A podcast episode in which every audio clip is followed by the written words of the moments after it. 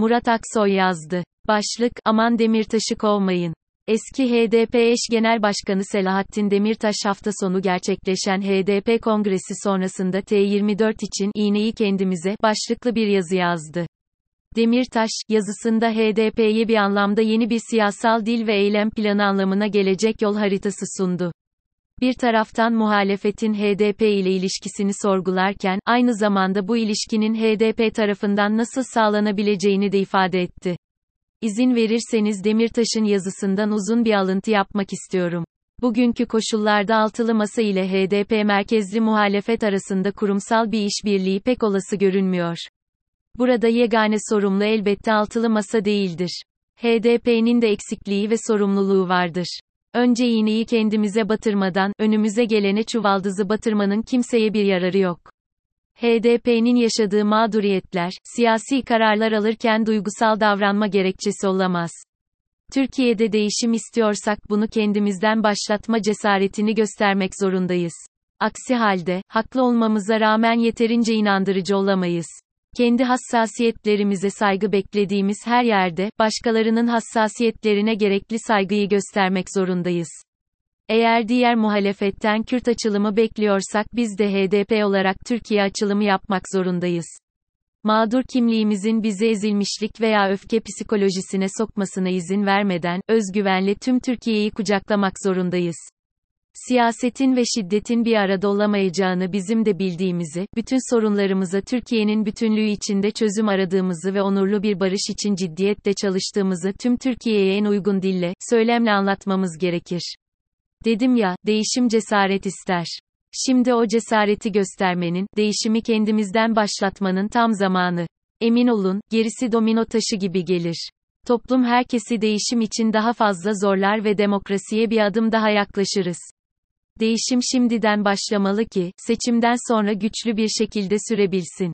Elbette yazıdaki, eğer diğer muhalefetten Kürt açılımı bekliyorsak biz de HDP olarak Türkiye açılımı yapmak zorundayız. Mağdur kimliğimizin bizi ezilmişlik veya öfke psikolojisine sokmasına izin vermeden, özgüvenle tüm Türkiye'yi kucaklamak zorundayız.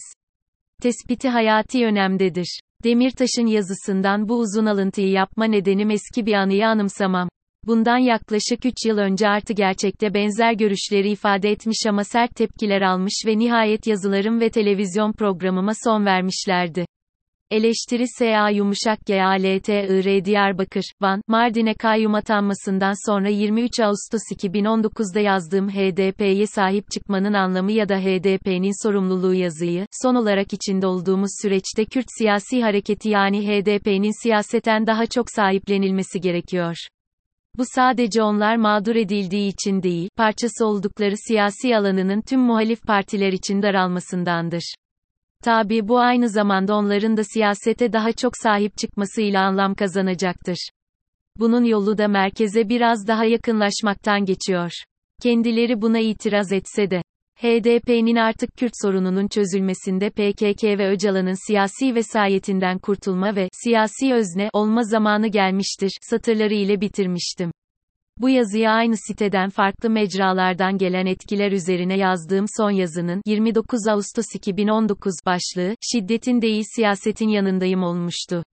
Ne yazık ki bu yazıdan sonra tartışmayı devam ettirme imkanı tanınmadan yazılara ve Artı TV'deki programa da son verildi.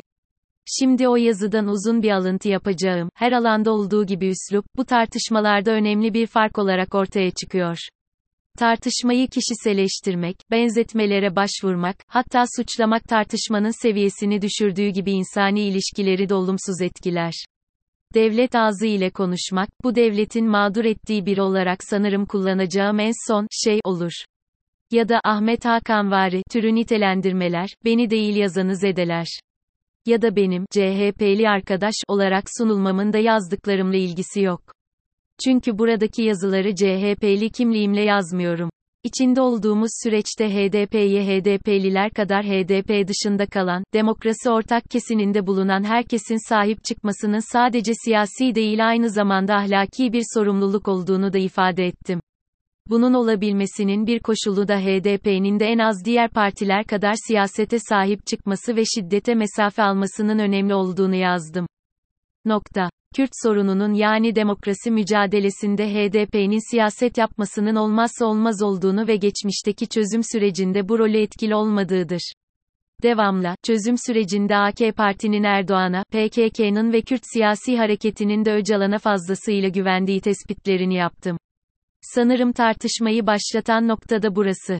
Yani HDP'nin, PKK'ya mesafe alması konusu ve Öcalan'a biçilen rol. Burada söylemek istediğim şu, HDP'nin işlevi sivil siyasetin gelişmesine katkıdır. Sivil siyaseti, sivilleri hedef alan her türlü eyleme kimden gelirse gelsin karşı çıkmasıdır. PKK da buna dahildir. Bu açıdan karşı karşıya olduğum siyaseti yok eden şiddetin kendisidir. Şunu kabul edelim şiddet, devlet tarafından PKK mücadele yanında Kürt sorununu yok saymak için, PKK içinde, devletle mücadele kadar Kürtler siyasi hareketi ve Kürtler üzerindeki gücünü konsolide etmek için kullanılmaktadır. Burada öncelik, Kürtlerin hak ve özgürlükleri ile sivillerin yaşam hakkı ile birlikte hak ve hukuklarının korunmasıdır. Bu öncelik ise iki tarafa mesafe almayı gerekir. Bu sadece CHP ya da bir başka partinin çizgisi değildir ve bu hiçbir partinin tekelinde değildir. Sonuçta, siviller ölürken, öldürülürken şiddete mesafe alınmasını hatırlatmanın nesi yanlış? Yanlışsa bunun alternatifi nedir? Şiddeti desteklemek mi? Tam da bu yüzden Kürtlerin hak ve özgürlüklerini silahla değil, mecliste yani sivil alanda çözüleceğini ve bu sürece katkı yapmanın daha önemli olduğunu ifade ediyorum. HDP'nin PKK'ya mesafe alması gerektiği görüşüm bu nedenledir. Çünkü şiddet ve silahın olduğu yerde sivil siyaset ve sivil alan kaybetmektedir. Kürt sorununa bakışım da budur. Kürt sorunun çözümünün terör ve şiddetle hele hele sivillere yönelik şiddetle olacağına inanmadım ve inanmıyorum da. Eleştirel baktığım konu, sivil siyasetin zorluğunun farkında olarak şiddet konusunda kendisine alan açamaması. Çünkü şiddet varsa siyaset yoktur. Ve siyaset, her türlü şiddete mesafe almaktır. Türkiye'nin içinde bulunduğu koşullarda önceliğimiz sivil alanın genişletilmesi, siyasi alanın kendi alanının korumasıdır. Bunun dışında her öncelik lükstür. Çözüm sivil alanın yani siyasi alanın genişletilmesinde ve bu alanın parçası olan tüm sivil bireylerin, siyasi partilerin bu alanın parçası olmasından yanayım. Ve son olarak bir kimliğin salt mağdur edildiği için fetişleştirilmesinden, eleştirel dokunulmazlık kazanmasından yana değilim. Yoksa öz eleştiriden kaçmak için, her dönem ve konjonktürde, mazeret bulmaktan kolay şey yoktur. Sonuçta ülkede Kürtler ve diğer ötekiler her dönem bir şekilde baskı altında. Bu baskı altında olma hali, kendine eleştirel bakmayı erteledikçe siyaseten işlevsizleşme kaçınılmaz oluyor. Yaşadığımız tam da bu. Bu görüşleri ne ilk ben dile getirdim ne de şimdi son kez dile getiriliyor. Başka yazarlar da benzer eleştirileri yaptılar. Bütün bu yazıları dışarıdan diyerek yok sayılması açık bir siyasetsizliktir. Bizimkisi dışarıdan ama Demirtaş HDP'nin eski eş başkanı olarak içeriden eleştiriyor, tespitler yapıyor. Ve bütün bunlar haklı eleştiri ve tespitler. Evet her eleştiri iyidir, yeter ki ders alınabilsin, eleştirenin kimliğine, siyasi pozisyonuna bakılmasın. Sonuçta eğer Türkiye'de siyasetin alanının genişlemesi, demokrasi, özgürlük ve adaletin yeniden hayat bulması isteniyorsa bu ancak siyasi iktidar bloku ve devletin ötekileştirdiği tüm kesimlerin amasız, fakatsız demokrasi, ortak kesenin de buluşması ile mümkün olabilir. Muhalefetin de, muhalefet içindeki partilerin de, HDP'nin de bundan kaçma şansı yok.